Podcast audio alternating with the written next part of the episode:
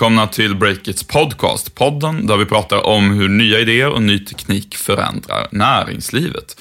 Och det var det jag, Olle Aronsson, blott en enkel man från Västergötland, som pratar tillsammans med Stefan Lundell, blytung riskkapitalbevakare i Stockholm och dubba till ekonomijournalistikens Zlatan i branschtidningen Resumé. Eh, vi har startat nyhetssätten Breakit tillsammans. Hur är läget? Jo, eh, jag sitter där och rodnar bakom min mikrofon efter den här charmanta inledningen på podden. Men eh, annars är det jättebra. Mm, vad ska vi prata om idag då?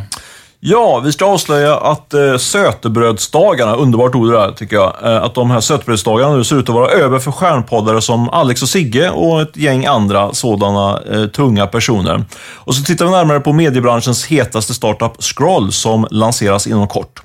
Dessutom granskar vi håsen bland svenska crowdfundingbolag. Hur mycket substans finns det där egentligen bakom den här håsen som ändå får säga att det är där?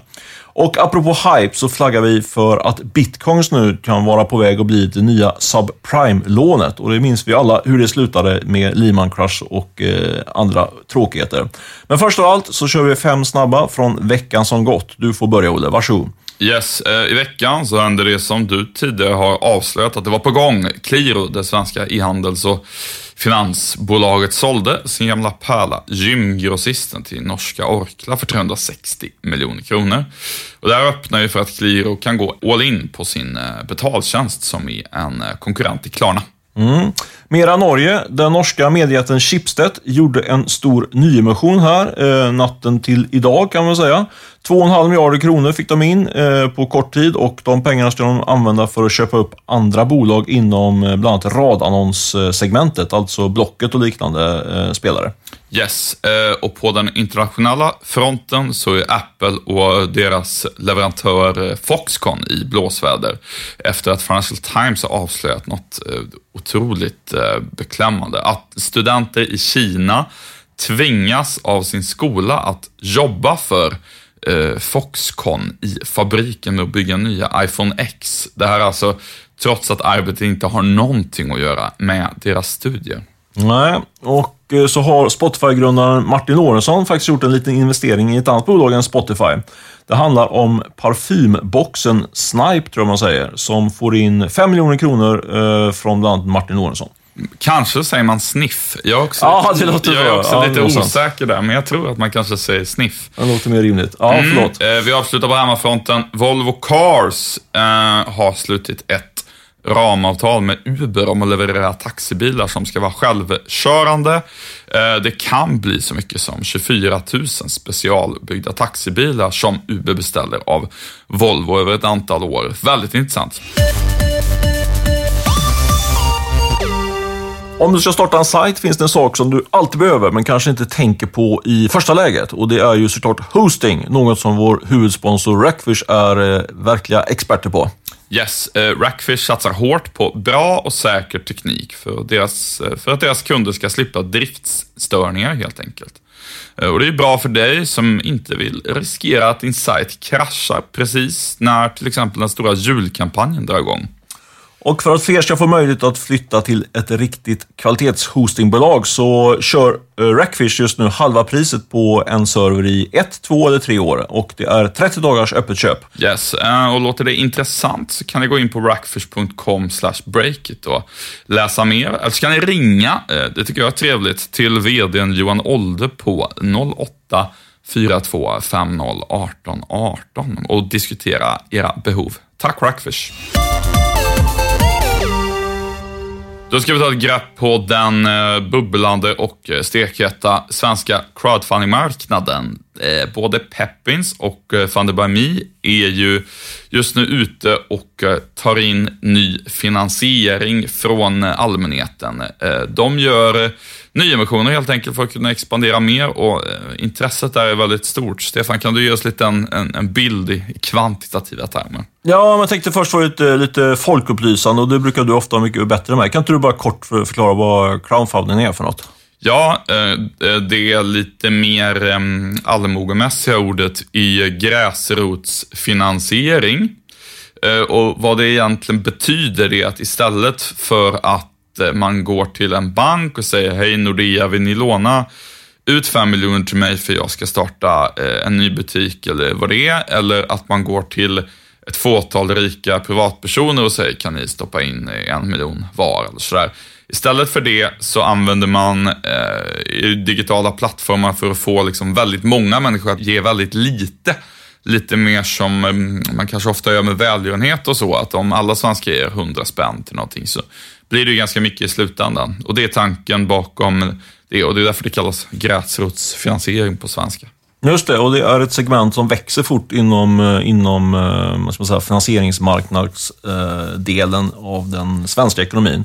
Och för att återgå till din fråga hur det går då för, för Peppins och Funded by Me i deras egna kapitalrunder, så får man säga att det går, verkar gå väldigt bra. Jag gick in och tittade precis här innan vi eh, satte oss för att spela in den här podden. Och man tittar på Peppin så gick de ut med information eh, sent igår kväll att de nästan är fulltecknade i sin nyemission som är faktiskt på 100 miljoner kronor.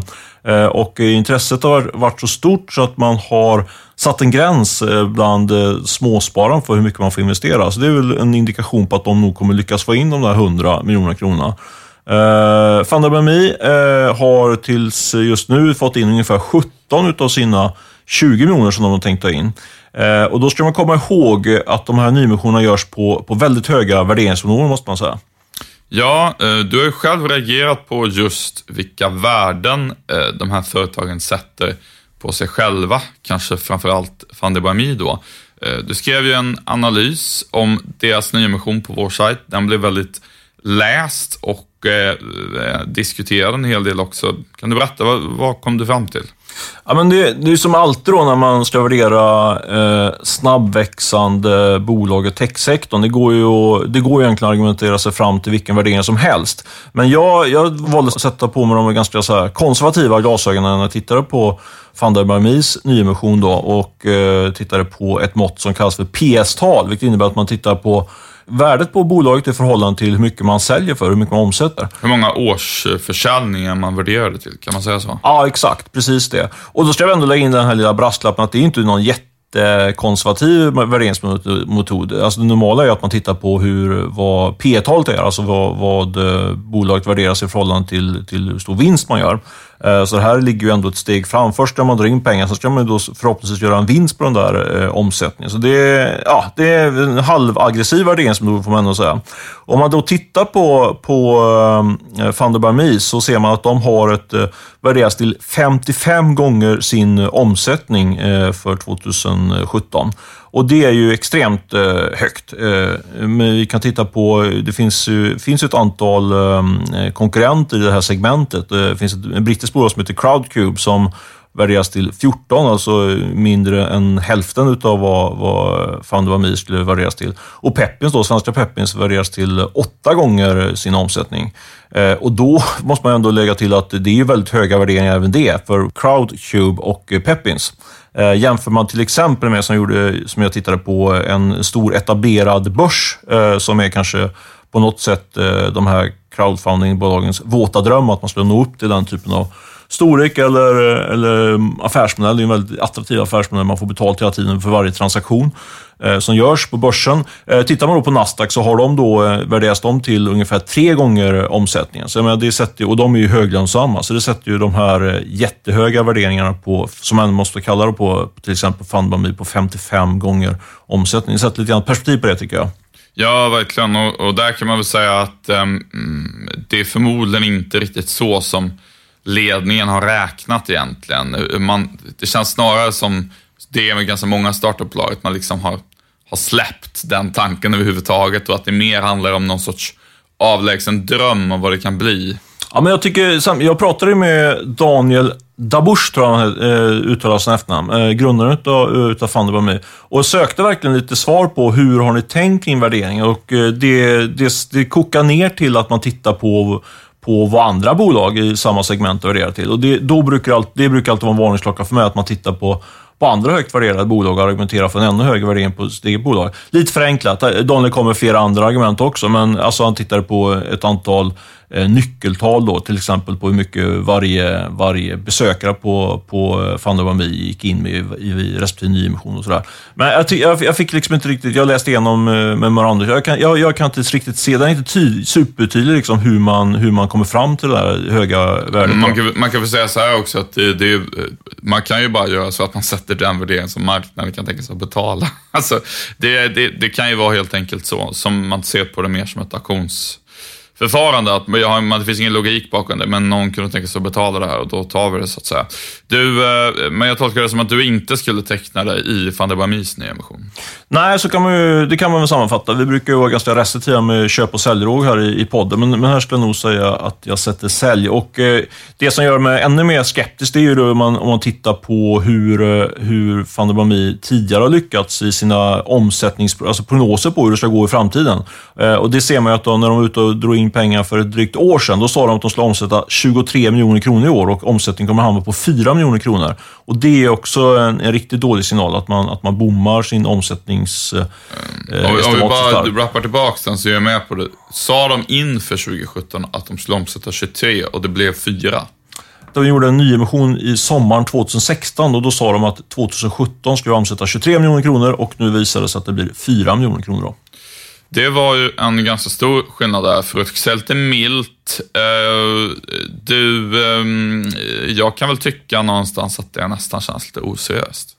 Mm, mm, man ska ju vara lite försiktig med det. man ska, liksom, eh, man ska vara lite positiv till, till Van der så att de, har, de visar ju, verkar ju liksom på något sätt ha fått igång en skapat sig en, liksom, en, en maskin för kapitalanskaffning. Alltså det, det äh, finns liksom ingen hejd på vilka bolag som som tar sig in där och får eh, snabbt in mycket kapital. Jag tittar till exempel på en, en kaffekedja som heter Redfellas eh, som omsätter typ ingenting i eller några hundratusen eh, och har bara, på bara några dagar fått in 6 miljoner kronor i riskkapital. Det är ju på något sätt imponerande, men på ett sätt också då rätt skrämmande, för det finns ju en risk att att eh, det dyker upp en del oseriösa aktörer på en, på en sån här marknadsplats. Och det kommer... Jag tänkte liksom oseriöst att just att värderingen och prognoserna är oseriösa, inte att själva kärnmodellen är det. Ja, uh, det, beror på, det beror på vad du menar. Men jag menar, min poäng är att dels att uh, värderingar, många, blir många, att det blir många som uh, går in här och blir väldigt besvikna. Men också tror jag att det finns faktiskt en uppenbar risk för att det slinker igenom uh, direkt oseriösa aktörer. Eftersom eh, själva alltså, du, alltså, kon kontrollen av de här bolagen är ju inte alls på samma nivå som när man går in i ett bolag som ska börsnoteras till exempel. Där tror jag att eh, det faktiskt är någon form av tickande bomb. Förr eller senare kommer dyka upp något, något riktigt, eh, får man säga så, skojarbolag. Men nu har jag pratat mycket. Vad tycker du om det här fenomenet generellt? Ja, men, eh, dels så tycker jag ju att eh, det finns mycket att hämta för de traditionella börserna och så, lära sig av ehm, ja, alltså börser och investmentbanker är ju väldigt liksom torra i sitt tilltal. Det man kan ta till sig av med Peppin så, fan det bara är att de är duktiga på marknadsföring. Vi, jag tyckte det var lite konstigt först när jag såg deras annons i tunnelbanan för deras egen nyemission och så, men man får ändå ge dem att de, vad ska man säga, de är duktigare på att kommunicera med en, en mer modern målgrupp, Peppin sa fan det var mi. Mm. Så att det är ju någonting som um, den gamla delen av marknaden ändå kan ta till sig av. Um, vad jag däremot tycker att man kan ifrågasätta lite grann, det är liksom hela den här bilden av att um, det här är liksom en, uh, vad ska man säga, väldigt uh, fin och nästan demokratisk rörelse. Nu kan alla köpa in sig i sin matbutik eller sin börs eller vad det nu är. Och eh, jag tycker det är inte mer demokratiskt än vad det är på den vanliga börsen. Liksom. Det, jag tycker inte att det är någon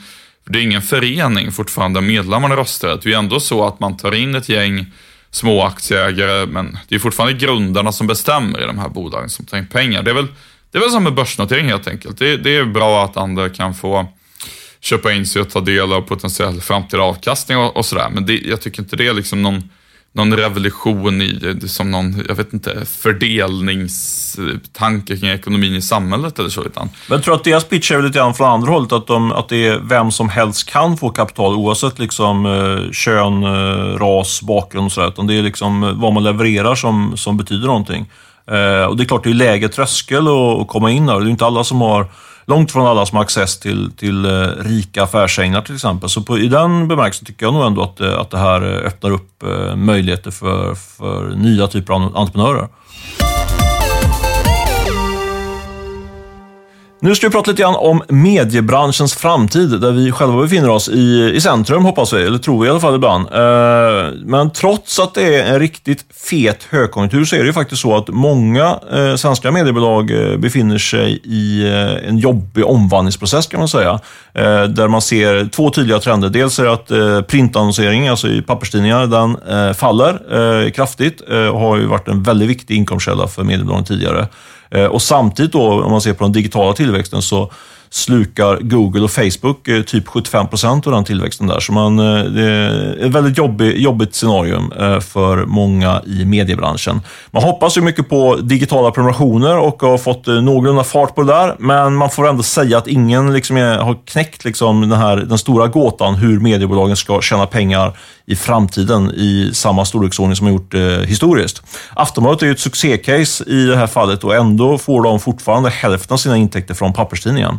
Men nu verkar det kanske som att jag och Olle har skådat ljuset. Eh, vi får väl se. Vi har lyssnat på en poddintervju, både jag och Olle, eh, med en kille som heter Tony Hale. Han har dragit igång ett bolag som heter Scroll eh, och kanske, kanske har han hittat lösningen på den här frågan. Eh, Olle, du kan väl berätta vad, vad hans case är och hur han tänker sig? Ja, um, jättekul. Eh, Tony Hale, han har tidigare grundat ett bolag som heter Chartbeat, som är det största bolaget i USA vad gäller eh, trafikmätningstjänster för medier helt enkelt. Eller jag vet, vet inte om de är det största bolaget, det är väl Google Analytics som är störst kanske, men bland premium, New York Times och alla sådana tunga sitter och tittar på Chartbeat om hur deras stories presterar. Kul bakgrund har han också, han har lett polarexpeditioner tidigare och sådär. Mm. Eh, men nu så jobbar han inte med Chartbeat längre, utan han har startat ett bolag som heter Scroll. Och eh, det är ett ganska mytomspunnet och väldigt eh, hypat medieteknikbolag. De har inte lanserat någonting än, men de har tagit in riskkapital från bland andra News Corp som drivs av eh, Rupert Murdoch, eh, världens största tidningsmagnat typ, eh, New York Times och Axel Springer som är Tyskland respektive liksom USAs stora medietungviktare också investerat. Så att det är väl Ja, men det var så upptrissade förväntningar som det kan vara inför ett medteknikbolag i, i uh, världen. Och tanken är, det är lite så här Spotify-modell på det, eller hur? Nej, eh, det är inte riktigt som Spotify.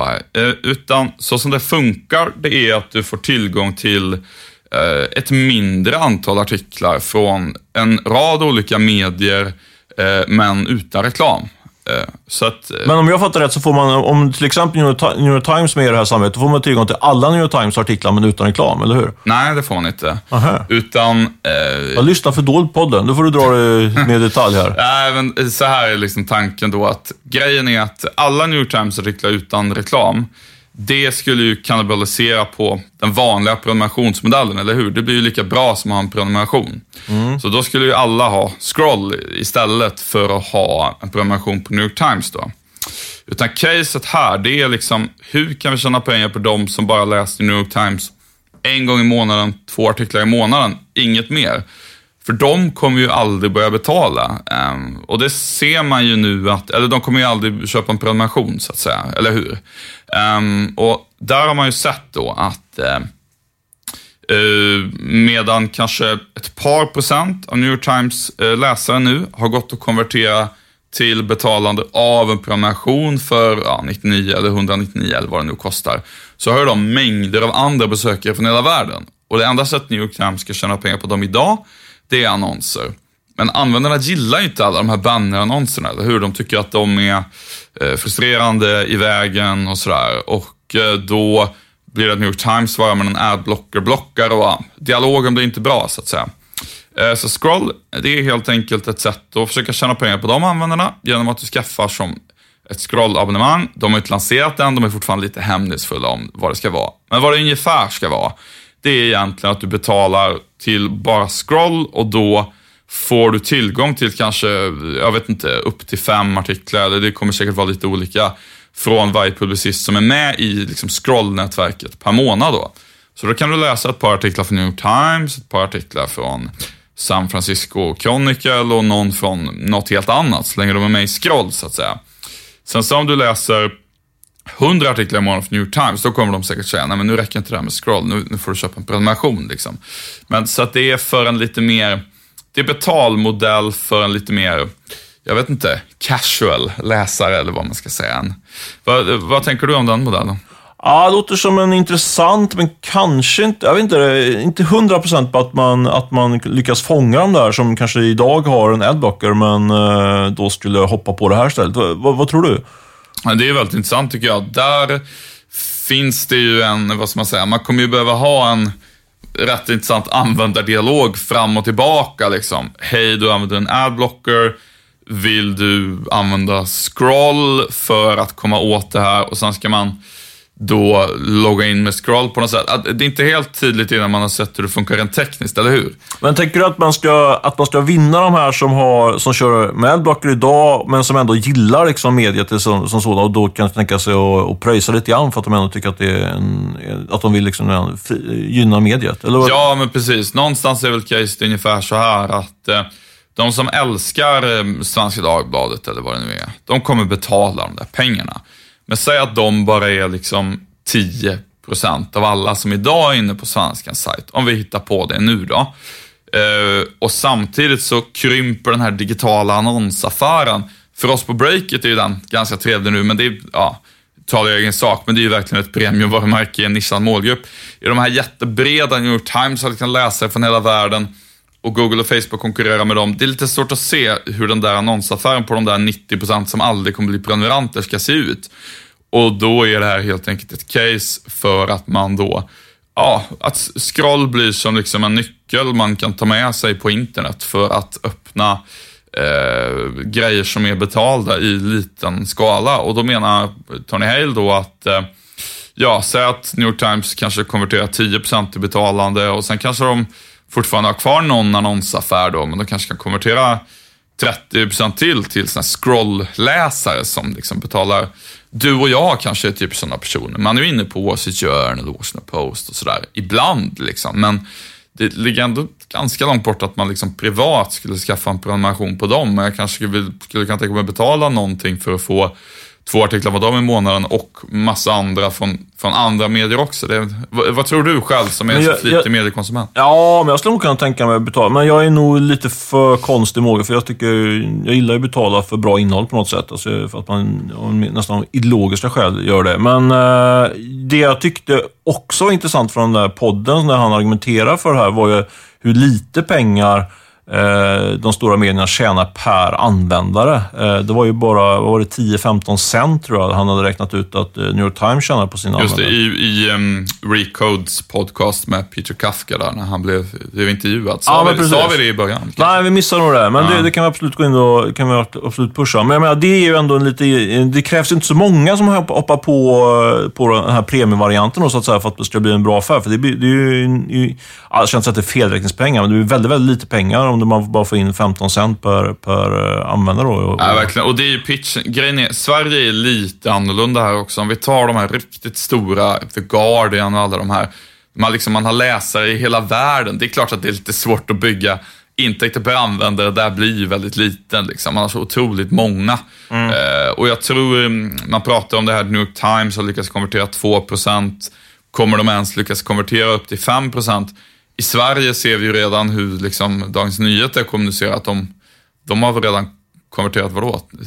Över 5% i alla fall, det är vad mm. de säger själva. Så att det är liksom, det är lite olika olika marknader tror jag, men um, det är ju, uh, om det blir en standard i USA så kommer det ju spridas till Sverige. Uh, Men li, lite grann, liksom, caset mot det är väl att, att på något sätt är det att man, man får en eldblocker fast man får betala för eldblockern istället för att man kan få den gratis. Det, mm. det, lite... det, det, var min huvudinvändning också. Ja. Men där är det ju det här då att um, ja, men de, medierna skjuter väl helt enkelt upp en en sån här, hej du använder en adblocker, stäng av den för att komma åt det här, eller använd scroll. Den där användarupplevelsen, det, det blir förstås helt avgörande. Det är väl egentligen det som är hela scrolls produkt så att säga. Själva betalinfrastrukturen bakom är väl ingen komplicerat, men ja. Vad, Man skulle kunna koka ner till om, om, frågan om folk är goda eller onda. Är de tillräckligt goda för att betala eller, eller vill de bara... Ja, eller om folk är långsiktiga eller kortsiktiga kanske. Men det är, nej, jag förstår vad du menar. Jag, jag, en sak som är väldigt intressant med det här tycker jag, som säger någonting, är ju att Peter Sunde, Pirate Bay-grundaren, han startade ett sånt där bolag som hette Flatter, som nu har sålts till ett stort ad-blocking-företag som jag inte minns namnet på just nu. Eh, men det var ju typ den här modellen. Men skillnaden där är ju liksom att ehm, de kom liksom från piratrörelsen så att säga och det är liksom inga stora mediehus som vill jobba med dem, typ bara på grund av den anledningen. Det som talar för Scroll är ju liksom att de har ju redan världens tyngsta publicister som investerare, så att, att få till det här första mötet om att börja implementera och testa det. Ja, men tänk dig själv om du och jag skulle starta ett sånt här bolag. Det skulle ju vara den största utmaningen att bara få, få folk att börja de här stora, tunga bolagen. Där känns det som att Scroll är lite hemma redan ju. Mm. Och eh, det kanske avgör allt, vad vet jag. Det ihop med ja, den här designen, hur det nu ska se ut, som jag fortfarande är rätt eh, konfunderad över. Det tog ju rätt lång tid för de vanliga mm, eh, publicisterna och ihop med Klarna här i Sverige liksom bygga prenumerationslösningar som faktiskt funkar. Liksom. Hur ska man konvertera? Äh, det ska bli otroligt spännande att se och det här är ju verkligen en, en riktig game changer, potentiell game changer för mediebranschen om man lyckas med det här. Och, eh, vilket man inte pratar så mycket om, också faktiskt en potentiell game changer för Facebook. För om man får över de här människorna att äh, men du slipper se annonser om du betalar med scroll och får en väldigt stor målgrupp att göra det, då är ju det faktiskt inte jättebra för Facebook om massa publicister då slutar publicera sig där. Eh, de vill ju att jättemånga fler publicister, gärna premiumpublicister, ska mm, ska finnas där och um, om man ska vara lite så här revanschsugen så är ju det ett rätt eh, intressant case med liksom den, den maktförskjutning som då faktiskt sker där om eh, man helt enkelt blir av med det här liksom Facebook-beroendet. Ja, spännande att se. Eh, apropå game changers ska vi nu ta upp ytterligare en game changer i, i, i det lilla på den svenska poddmarknaden. Men först ska vi prata om det här. Den här veckan sponsras podden också av SuperOffice som kan hjälpa dig och ditt företag att vara väl förberedda inför ett väldigt speciellt datum, nämligen den 25 maj 2018. Mm, och det är inte bara årsdagen av när eh, Star Wars hade urpremiär 1977, eh, som jag råkar veta, utan det är också dagen då EUs nya eh, stenhårda datalag GDPR börjar gälla. Och då måste du ha koll på hur du behandlar personuppgifter, annars kan ditt företag få rejäla böter och badwill. Alla företag behöver verkligen förbereda sig för att följa den nya lagen, även vi här på Breakit. Yes, eh, och kundhanteringssystemet SuperOffice, CRM, de kan bli ett eh, värdefullt eh, stöd i att få ordning och reda på personuppgifter. Eh, och för att du bättre ska förstå vad GDPR innebär för ditt företag så bjuder SuperOffice in till två stycken gratisseminarier med eh, IT-advokaten Agnes Hammarstrand. Mm, det får ni inte missa. Det första seminariet går av stapeln 1 december i Göteborg och det andra seminariet eh, kör de den 8 december i Stockholm. Gå in på superoffice.se events så får du mer information om det här. superoffice.se events. Yes, eh, och där kan du anmäla att du kommer helt enkelt. Tack Superoffice! Förra veckan så kunde vi här på Breakit rapportera om eh, en liten bomb i, i den svenska poddvärlden. Eh, det var den nya mätningen Poddindex som, som då lanserades och vi var först på att skriva om den. Eh, och den visade ju att eh, många eh, poddar har faktiskt betydligt färre lyssnare än, än man har trott. Men nu fick man lite grann svart på vitt då i det här nya poddindexet. Och eh, vår reporter Erik Wisterberg, som nu har eh, kravlat sig in här i studion efter att ha haft kräksjuka i hemmet. Eh, han har ju, känner ju ansvaret och eh, informerar er lyssnare, får lite mer insight bakom det här, eh, bakom det här eh, avslöjandet då, får man säga. Eh, Erik, först får jag fråga, du, du har återhämtat dig från kräksjukan. Ja, men det finns andra i mitt hem som inte har det. Så det, har varit, det har varit en tuff vecka. Eh, men jag har ändå lyckats eh, gräva mig fram till lite, lite, nya sanningar för mig om vad poddars lyssnande egentligen är och vad som kommer hända där framöver. Så det har varit intressant. Ja, låt höra. Ge oss eh, bakgrunden först. Ja, men bakgrunden är så här, först, vad är det här poddindex för er som inte har hängt med? Så alla medier har ju haft sina egna liksom, valutor, som det brukar kalla, alltså mätningar som man har kommit överens om att det här är någon slags sanning. TV-branschen har ju MMS och tidskrifter och tidningar har Orvesto och nättidningar har Kia Index eller utmanaren Ocast. Då. Och eh, de här har ju sina brister såklart, men Poängen med det är att man kan jämföra olika spelare inom samma nisch med varandra. Att om TV3 och TV4 mäter på samma sätt, då kan man ändå säga vilken av dem som är störst. Och poddvärlden har ju varit lite vilda västern. Det, det är ett fenomen som liksom växte till sig ordentligt i Sverige kanske 2012, 2013 med start och sen har det liksom exploderat i både lyssnande och eh, medieinvesteringar. Man, eh, om, om, Alex och Sigge till exempel går ut och säger att de har 750 000 lyssnare så har inte det gått att dubbelkolla. Varken för mig som reporter eller eh, lyssnare eller annonsör. Och det är där Sveriges annonsörer då som klev in och skapade Poddindex tillsammans med Acast och de kommersiella radiokanalerna och Sveriges Radio. Och de presenterade då tvättad, jämförbar, liksom, faktisk data över lyssning och räckvidd. Och det visar en del luft i de, de tidigare syftena kan man säga va? Ja men verkligen. Det visar ju, liksom korta versionen är att lyssnandet i form av räckvidd, alltså hur många personer eh, som man faktiskt når med de här poddarna, är mycket mindre än vad många stora poddare har presenterat tidigare. Jag kan ju ta ett exempel. Eh, Valgren och Wistam, alltså Pernilla Wahlgren och medieprofilen Sofia Wistam. De stoltserade tidigare med att de hade 400 000 lyssnare varje vecka. Och när Poddindex kom ut, eh, där de då är med, så satte de räckvidden till ungefär 80 000. Så det är liksom tre fjärdedelar av vad man trodde att man hade Rysare, är måste man. Och Ja. liksom, ja, tänker man att det ser ut så över hela linjen, då, då blir det ju stora frågetecken kring, kring hur stora eller små de här poddarna är. Ja, och det, när vi, sen vi publicerade den här artikeln, sen du publicerade den artikeln, så har det ju varit en väldigt bra läsning på den och eh, det har också dragit igång någon form av, eller någon form, det har varit en rätt eh, spetsig debatt får man säga i olika branschmedier.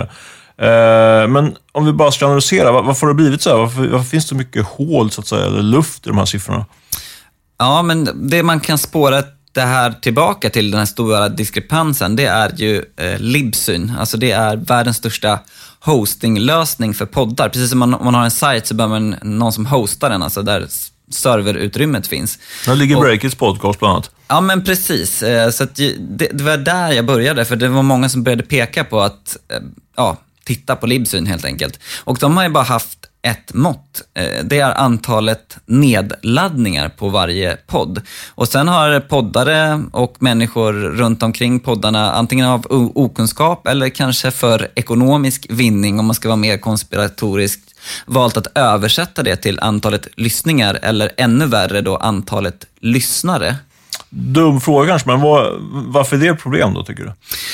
Ja, men dels är det liksom helt fel tolkning av det måttet. För att Libsyn själva, de säger att de har ingen aning om vad som händer med ett nedladdat avsnitt. Alltså om någon verkligen lyssnar på det, hur länge folk har lyssnat på det, eller ens om det är en människa som har laddat ner det, eller om det är en bot. För de säger själva att de har liksom server-side reporting, alltså serverdata. De kan se att här har ett anrop gjorts till hämta den här podden. Det är vad de kan se.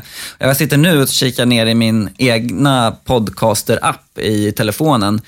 Eh, den, den är ju den dominerande plattformen eh, för att lyssna på poddar, alltså på klientsidan. Och där ligger just nu 44 ospelade avsnitt av den eminente Peter Kafkas Recode Media-podd. Det är en sån här podd som jag gärna vill lyssna på men inte hinner då. Men alla de 44 nedladdningar som jag aldrig har lyssnat på räknas ju. Men och den andra delen här, det är ju att det har avslöjats att Libsyns siff- nedladdningssiffror också har varit eh, uppblåsta i sig. Så du menar att datan både har använts fel och har varit felaktig i sig, kan man säga, för att sammanfatta? Ja men precis. Den, den 18 september så gick Libsyn själva ut och sa att man hade gjort en stor översyn, eller inledde en stor översyn av statistiken eftersom i stort sett internet och eh, devices har sprungit ifrån bolagets mätsystem. Alltså man pekade på robottrafik, alltså rena annonsbedrägerier där man sätter bottar på att ladda ner poddar och det där det, fin, det finns en stor diskussion om det kring displayannonser på nätet och det verkar vara samma sak för poddar.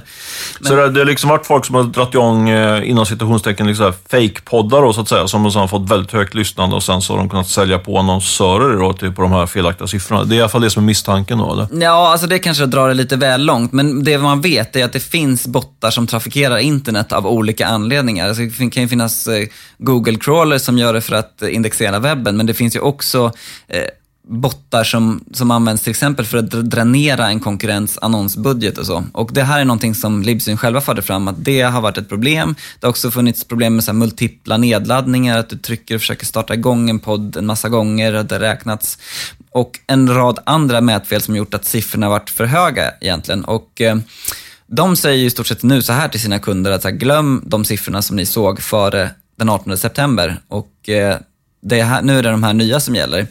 Och jag har snackat runt med en del poddare nu i dagarna och där hör man ju vittnesmål om att det här har lett till eh, stora fall i download-statistiken efter det. Och eh, även Libsyn själva säger det, att det är folk som har hört av sig till dem och säger att vad har hänt? 30% av vår publik har försvunnit. Och deras svar har ju varit att nej, det är inte er publik som har försvunnit, den har inte funnits där, den har inte varit så stor som ni trodde. Och det är ju spektakulärt i sig, skulle jag säga. Ja, onekligen. Vad, vad blir nästa steg i den här eh, reningsbadet på något sätt i, i poddbranschen? Ja men precis, det man har kunnat se nu är att så här, poddindex har kommit fram, det har liksom, där har man klätt av en del poddar och där är man ju nöjda med att man har en valuta som funkar nu. Eh, Libsyn håller på att se över sina siffror. Eh, men det som saknas då, det är ju alla som står utanför den här poddindex och där så kommer ju Apple med en, troligtvis en julklapp till annonsörerna. Eh, troligtvis före nyår så ska eh, deras podcast Analytics släppas.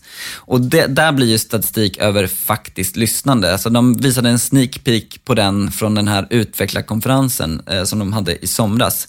Och där ska man ju kunna se liksom, antalet lyssningar över, över eh, avsnittets gång, liksom hur det fluktuerar, hur många som lyssnar färdigt, hur länge man lyssnar. Eh, så det blir ju en väldigt eh, stor skillnad mot den statistiken som en poddare idag kan få ut från Libsyn.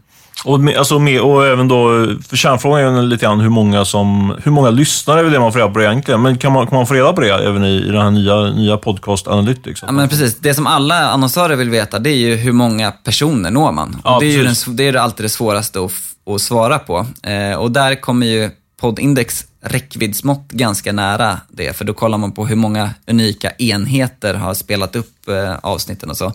Och eh, det som kommer att eh, hända med när Apple släpper sin statistikfunktion, det är ju att man kommer komma mycket närmare Sanningen, det, det där också. Ja. Och det, min liksom slutsats är att det liksom reningsbad som inleddes där med poddindex, det kommer nå även de mod, många poddar som står utanför.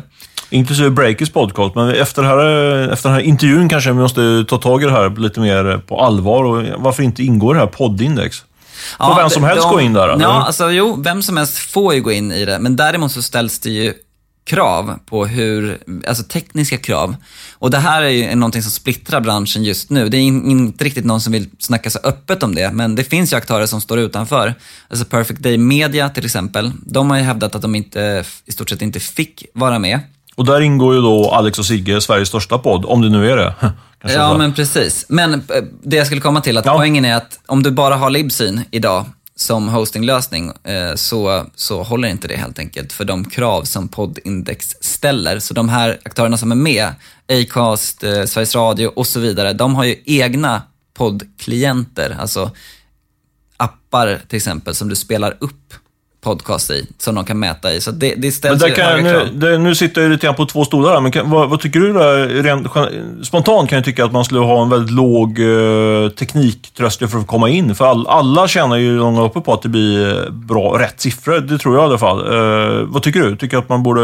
Är det, är det smart eller inte smart utav de männen och kvinnorna bakom poddindex och, och ha en egen teknik så att säga? Man måste ju, alltså om man ska skapa en valuta så måste den ju vara validerad på något sätt. Annars blir den ju helt värdelös värdelös. Sen så är det ju aldrig bra, det är aldrig bra med en valuta där kanske hälften av marknaden eh, står utanför. Så det är ju en liksom, balansgång. Eh, Ja, jag jag ska inte sätta mig till doms över det, jag bara konstaterar att det hade varit mycket bättre om alla kunde vara med såklart.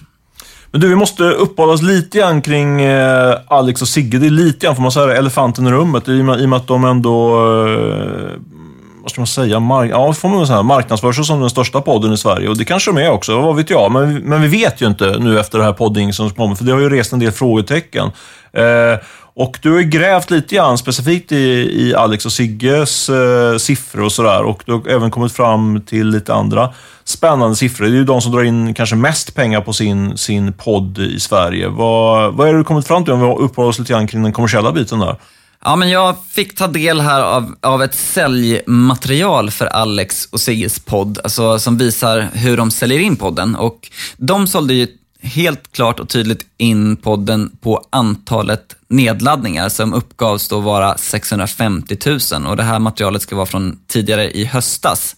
Och en reklamspot kostade då 110 000 kronor i bruttopris. Så de brukar ju peppra in en tre, fyra stycken sådana där. Ja, åtminstone. Men om vi uppehåller oss lite grann kring det. Alltså, det varit, eh, vad- om, man då säljer, om man då säljer in en, en spot på bruttopris eh, 110 000 eh, med 650 000 nedladdningar, då kan man väl tänka sig att eh, en reklamköpare eh, Eh, sätter den, den i relation till, alltså man räknar med kontaktkostnader och så. Så om man nu kommer, kommer fram till att de bara skulle ha vad då, så här, 300 000, då det, det bör sätta sig i priset, rim, allt annat lika, eller?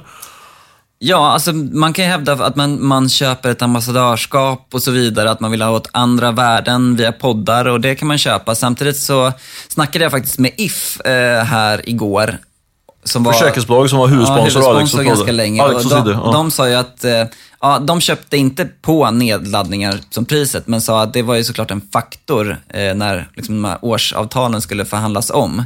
Och det är klart att det, det är helt självklart att alla som köper så stora medier, alltså så man kan börja prata om räckvidd, eh, och, och det här är ju ett sånt exempel. Om man säger att man kan nå liksom 650 000, vad det nu är, så, så är det ett räckviddsmedium på något sätt. Så att det tror jag absolut spelar in. Sen tror jag att, sen tror jag att folk kanske inte köper per kontakt så. Men, eh, men att, det, att säga att det inte spelar in, det tror jag vore att ta i. Men vi läste ju en intervju här bara för ett par eller som vi googlade fram här när vi höll på med det här jobbet. Du höll på med det jobbet och visade mig. Eh, Alex Schumann, den ena parten i den här poddbyrån, Alex och Sigge. Han sa ju i en intervju i, så sent som då i november, början av november att podden har 750 000 lyssnare i veckan. Eh, med bakgrund på det vi har sagt nu då, vad, vad, vad säger du om den siffran? Ja, det var faktiskt i Svensk Damtidning jag sn- snokade upp den. Ja, så det var intensiv research i mediearkivet ska jag säga. Det var inte Ah, bara okej. Google, det här fanns inte googlebart. Men det där är en siffra som har upprepats tidigare också. Jag tror det var Hanna Videll, Perfect Day Medias tidigare VD, som sa det för första gången till Resumé hösten 2016. Sen har det blivit någon slags sanning och som då återupprepades här i november av Alex Schulman själv, att man har 750 000 lyssnare i veckan. Är det sanning? Och nej, det skulle jag säga, det är med all sannolikhet rent trams, skulle jag säga. Det är ju liksom, det, och det säger sig nästan sig själv. Att så många faktiska unika lyssnare kan man inte ha. Och jag tar ett liksom, parallellexempel för att göra det där ganska tydligt. Jag tror inte att kanske man har varit ute och ljugit, utan man har nog tolkat de här Libsyn-siffrorna fel helt enkelt. Eh, Eller baserat den siffran på Libsyns siffror. Man har översatt downloads till lyssnare. Och man tar Pernilla Wahlgren och Sofia Wistam som vi var inne på tidigare där. De låg ju tidigare på Libsyn och de verkade då tro att man hade 400 000 lyssnare på sin podd och det skrev man också externt och kommunicerade. Sen flyttade man den podden till Acast, vars mätsystem är ganska likt det som Poddindex har gjort till standard. Och då står det klart att räckvidden, alltså antalet lyssnare då, var 80 000. Eh, så att det, om man tar det med i beaktande och överför det till Alex och Sigge-exemplet så, så kan man ju själv göra matten där. Nu fick jag faktiskt ett mail precis eh, när vi satt här från eh, Perfect Day Medias nuvarande VD. Jag har inte riktigt hunnit läsa det än, men det jag Spännande. ser I direkt, realtid här. I realtid så säger jag att Eh, för jag frågade så här, ni har tidigare sålt podden på downloadsiffror och nu säljer ni på genomsnittet av lyssningar. Hur många genomsnittliga lyssningar säljer ni på? Eh, 400 000 skriver hon nu till mig. Så det, det, de har ju då verkar skruvat ner eh, estimatet. Jag frågade också hur många lyssnare som, som de har. Det står också där som svar 400 000 lyssnare ungefär. Så att, eh, ja, där är det realtidsuppdatering om vad som händer med Alex och Sigges. Men det materialet du hade då från september, där de facto sålde de på 650 000 nedladdningar och nu är det 400 000 då. Så något har ju hänt där då i, i eh, den sista månaden då, eller? Ja, precis. Och det kan ju vara den här eh, översynen som Libsyn har gjort. Eh, Eller så är det något annat. Vi får återkomma, jag kommer skriva om det här på, på sajten också, när jag hunnit eh, läsa svaren mer noggrant helt enkelt. Bra teaser och bra genomgång. Och det, jag får väl säga eh, än en gång när man sätter på mig en, ytterligare en hatt, entreprenörshatten här. Då. Vi säljer också på vår podcast och på antal lyssnare och, och vi har ju då använt oss av de här Libsyn-siffrorna, för det är ju det som, vi, som funnits att tillgå helt enkelt. Och där är det, ju- det gäller ju att eh, bita sig i tungan där, så att när man resonerar om eh, att man ska att man kommunicerar rätt där, alltså nedladdningar och inte lyssnar och sådär. Men jag kan nu, kan väl redan nu erkänna att jag har säkert eh, kastat ur mig någon gång i, här och där att vi har en x antal lyssnare istället för att prata om nedladdningar och, och så vidare. Så det där är ju verkligen eh, lite ref, vad säger man, räft och rättarting va? Eh, kanske. Oj, den är jag för ung för att hänga med i uttrycket. Men jag som gammal mediereporter måste ju ändå ställa dig mot väggen här nu Stefan Ja. och säga, hur många är det som lyssnar på Breakits podcast? Hur många lyssnare har vi? Eh, det varierar, kan man säga. Eh, vi har väl en, eh, att det, om man tittar på en lyssnare, så vi inte säga lyssnare, utan nedladdningar det vi ska prata om då. Eh, och det ligger ju mellan eh, 3000 upp till en 6-7 tusen, tror jag, nedladdningar i eh, Libsyn om man tittar på en, eh, under en 12 månadersperiod. Eh, men jag måste ärligt talat erkänna att jag inte är superuppdaterad just på, på de där siffrorna, men det borde jag kanske vara lite bättre. Nej, jag gjorde som en egen del av researchen till det här. Jag försökte verkligen bena ner Mm. i Libsyn hur många som lyssnar. Men det går ju inte att se där i. Det, är den där, det är det där måttet som du kommer landa i. Så att jag, jag, när, när Apple släpper sin, sin statistik, jag, för jag kikade att ungefär 75% av våra lyssnare lyssnar via eh, Apples podcaster-app som finns i iPhone. Så att eh, vi kommer kanske kunna bringa mer klarhet i det när den släpps helt enkelt. Ja, och till min lilla fördel kan man också säga att vi har en, jag har faktiskt inte en, en eh, icke, för, icke förkastlig, eh, icke oansenlig, oj vad konstigt, ni märker att jag bara blir pressad nu, jag bara försöker kasta ur mig massa, men vi har också Soundcloud-lyssnare som eh, genererar ett antal eh, rätt stora lyssningar också. Men, Men du eh, ser poängen här, man vill ju kunna säga hur många lyssnare man har. Och nu kom, det tyder på att man kommer kunna göra det i nästa år. Och jag tror att det kommer bli en rening för poddbranschen som har varit lite vilda västern eh, fram tills nu helt enkelt. Ja, men det håller jag helt med om och det tror, jag tror stenhårt på att, eh, att bra statistik gynnar eh, både köpare och säljare så att säga. Det, det, det är fakta i målet och ger en större tyngd och eh, kommer säkert eh, få driva in ytterligare eh, annonsörer i det här segmentet som jag tycker är ett väldigt intressant segment. För det ger en väldigt bra impact att finnas med i bland annat Breakits podcast, skulle jag hävda. Och det leder oss osökt in på ytterligare en sponsor här i vår kära podd. Att Jansson Norin är vår absoluta favoritbyrå på juristsidan beror på att de är experter på just sådana frågor som både ni som lyssnar på podden och vi själva ofta behöver hjälp med. Yes, eh, det kan handla om bolagsfrågor, eh, till exempel aktieägaravtal, eller arbetsgivarfrågor som anställningsavtal, som vi till exempel har tagit hjälp av Jansson och Norin med. Mm, eller kanske frågor om hur man skaffar ett bra varumärkesskydd i olika länder. Eller frågor om hur man hanterar sina personuppgifter för att följa den nya dataskyddsförordningen som vi pratade om tidigare, GDPR. Mm, mycket GDPR just nu. Ehm, och det här handlar ju helt enkelt om att Jansson Norin, de hjälper dig med sådana frågor som entreprenörsdrivna företag behöver hantera för att kunna göra mer och bättre affärer.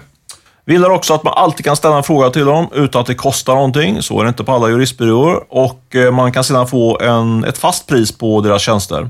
Läs mer om det här på janssonnorin.se. janssonnorin.se.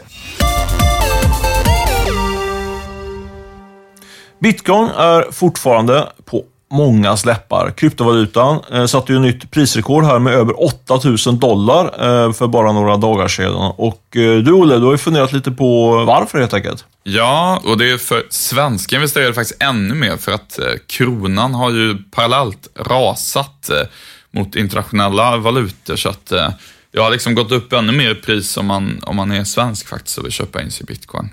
Eh, men eh, det vi tänkte prata om nu, det är att jag tycker att det är väldigt intressant att se hur de här prisförändringarna under den gångna hösten i bitcoin har drivits fram. Ehm, det finns ju väldigt eh, många positiva exempel på vad nytta kryptovalutor kan göra. Eh, en del bitcoin-frälsta lyssnare eh, kanske mm, har läst den här The Age of Cryptocurrencies, där det handlar om att afghanska flickor har fått sina första egna pengar eh, tack vare bitcoin-wallets och så. Väldigt många fina exempel på hur man kan eh, skippa problemen som finns med det traditionella monetära systemet. Eh, men det här liksom användningen av bitcoin, som är liksom det fina och bra med bitcoin, är ju överhuvudtaget inte vad som har drivit prisuppgången prisuppgången under hösten.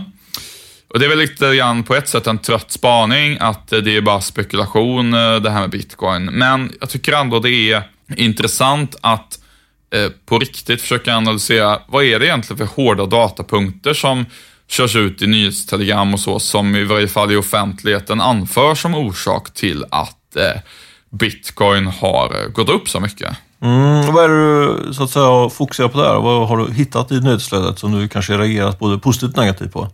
Jag har väl mest reagerat negativt, men jag kanske är lite sån eh, bäsig person. Men, eh, nej, men det jag tänker på är alla nya finansiella produkter och värdepapper som lanseras med bitcoin som underliggande tillgång det här är lite krångligt, men lite förenklat handlar det om att olika investmentbanker och ehm, ja, bolag i finanssektorn hitta på olika nya värdepapper som inte är bitcoin, men som följer bitcoinpriset på lite olika sätt.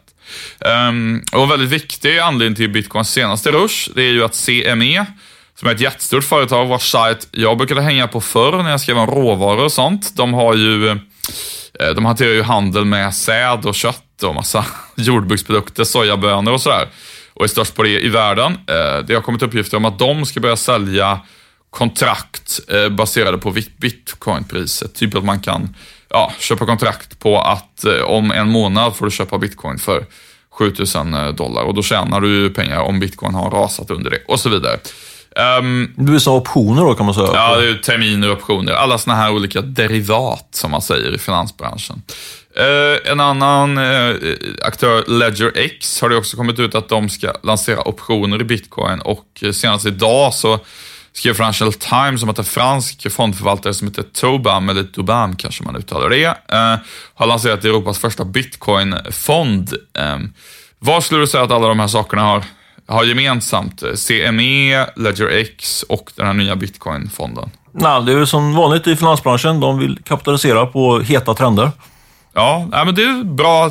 Ganska exakt så. De här grejerna har ju ingenting att göra med hur bitcoin används av människor på marken, utan det är bara helt enkelt att eh, Bitcoinpriset har alltså gått upp för att folk har lanserat nya värdepapper som gör det möjligt att investera i bitcoin på lite nya olika sätt.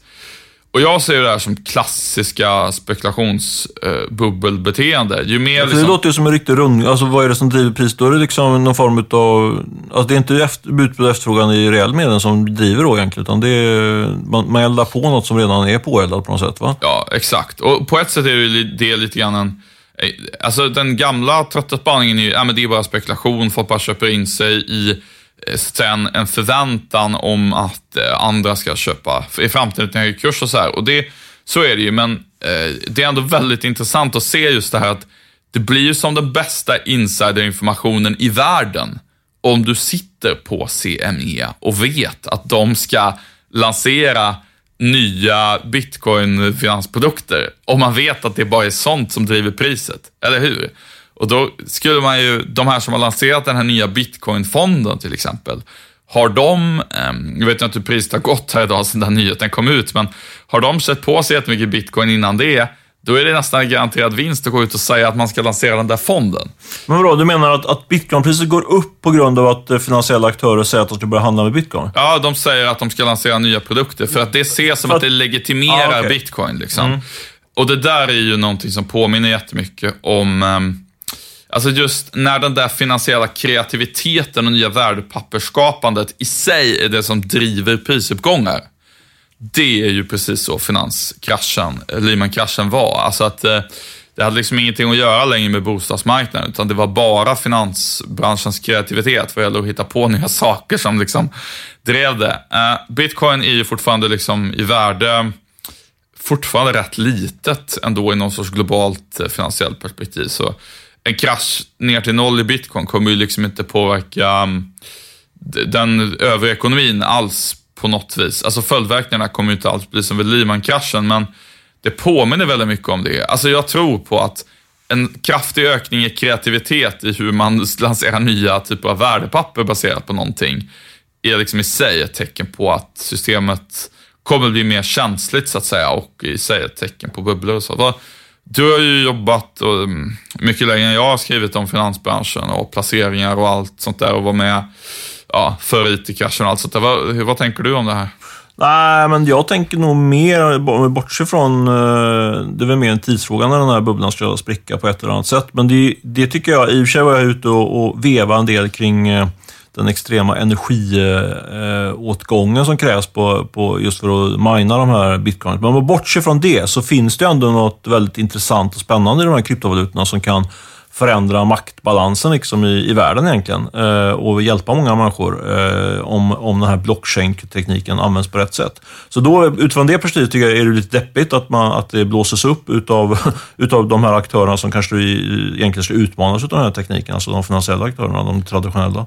Så det är väl eh, min take på det hela. Men eh, ja, samt är det ju väldigt fascinerande att följa hela, hela den här håsen. Man märker att alla pratar om det nu och eh, vi pratar om det i podden och vi skriver mer och mer om det på sajten för att vi ändå tycker att det är så ett intressant fenomen som är i vårt eh, kärnområde. Liksom. Så det är väl eh, det är väl eh, med dubbla känslor som jag eh, betraktar det här kan man säga. Ja, men om man ska knyta upp säcken där så det som jag hade hållit utkik efter om jag var bitcoin-spekulant, det är ju uppgifter om att eh, användningen, alltså att mängder av eh, afrikaner, eh, den afrikanska diasporan i Europa använder bitcoin jättemycket för att liksom eh, skicka hem till släktingar eller att liksom i Indonesien har massa e-handelsbolag börjat ta emot bitcoin som betalmedel.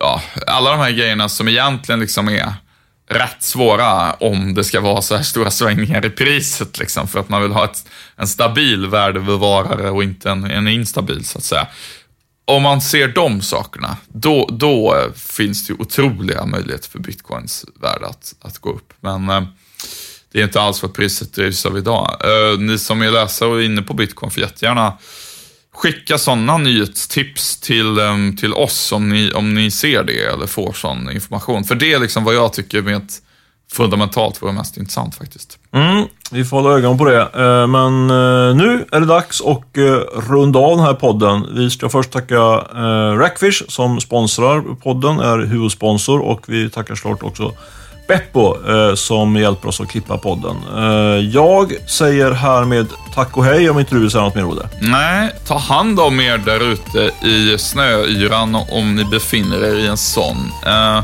så hörs vi nästa vecka. Allt gott tills dess.